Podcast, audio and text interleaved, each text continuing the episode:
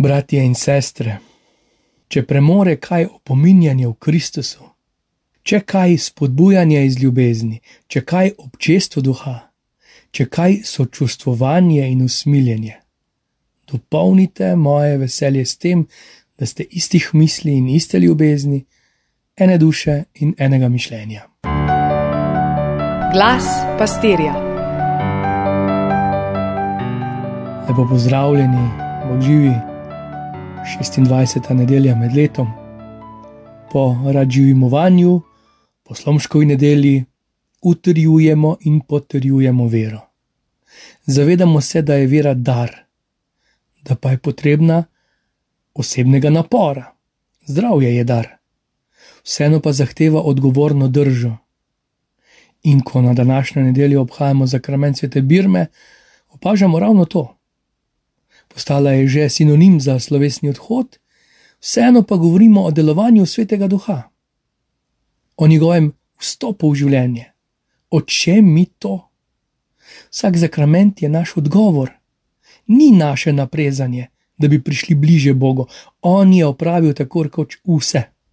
Večni postane časen, vsemogočni postane človek, vse presegajoči postane Emanuel, Bog bližine. Na nas je sprejeti to božjo velikodušnost. Zato ni ne birma slovesni odhod, kakor noben krst, nobena poroka, nobena spoved.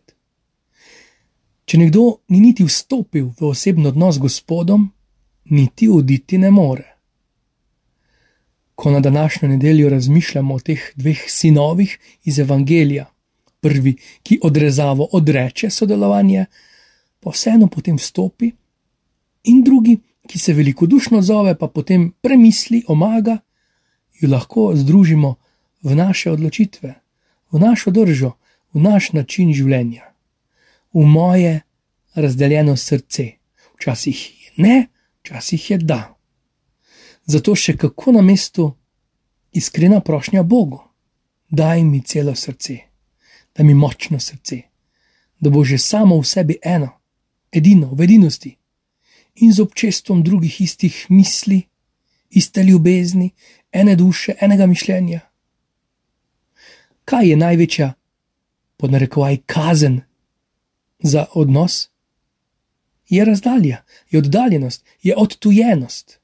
Če je Bog bližina, je naša največja kazen njemu, naša oddaljenost. In najhujše posledice so za nas.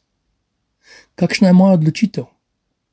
Kako se bom odločil glede svojega odnosa do Boga? Kako sem se že odločil, konkretno? Tu je Bog, tu sem jaz. Bog je med dva sina. Nobeden od njiju ni bil tak, kot bi si ga mi, recimo, predstavljali ali želeli. In ni imel še enega tretjega, tisti pa je pravi. Komu sem podoben?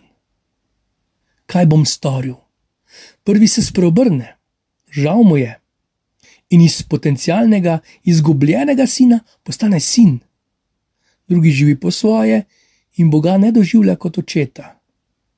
Bog mu je gospodar in on je njegov podložnik. Bog obema ponuja rodovitno življenje.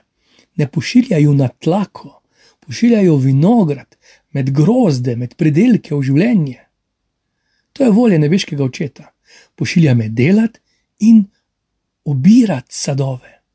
Pošilja me iz senc na sonce, iz zatohlosti v svežino. Je to še podoba sodobnega življenja, je to še mladost krščanstva ravno te dni poteka v Rimu sinoda. Podprimo naše škofe z celega sveta in vse odgovorne s papežem na čelo, da bodo poslušni svetemu duhu, pa da bomo poslušni svetemu duhu in njim, da bodo med razpokami v zemlji zaznali željo po življenju. Med plevelom informacij, bujnost žita resnice, med mnogimi škorci vraževerja, neverja, obilen pridelek nebeškega kraljestva in očetovo voljo in njegovo zamisel, da je zdaj čas, ko živ evangelij nagovarja, vabi in napolnjuje utrujena srca iz vseh iskalcev. Naše hrepenenja po boljšem jutru, po boljšem jutri, po miru, po razumevanju niso več samo utopija, je obilna božja obljuba v življenju z njim. Blagoslova in obilja letine vere. Bog živi, vse dobro.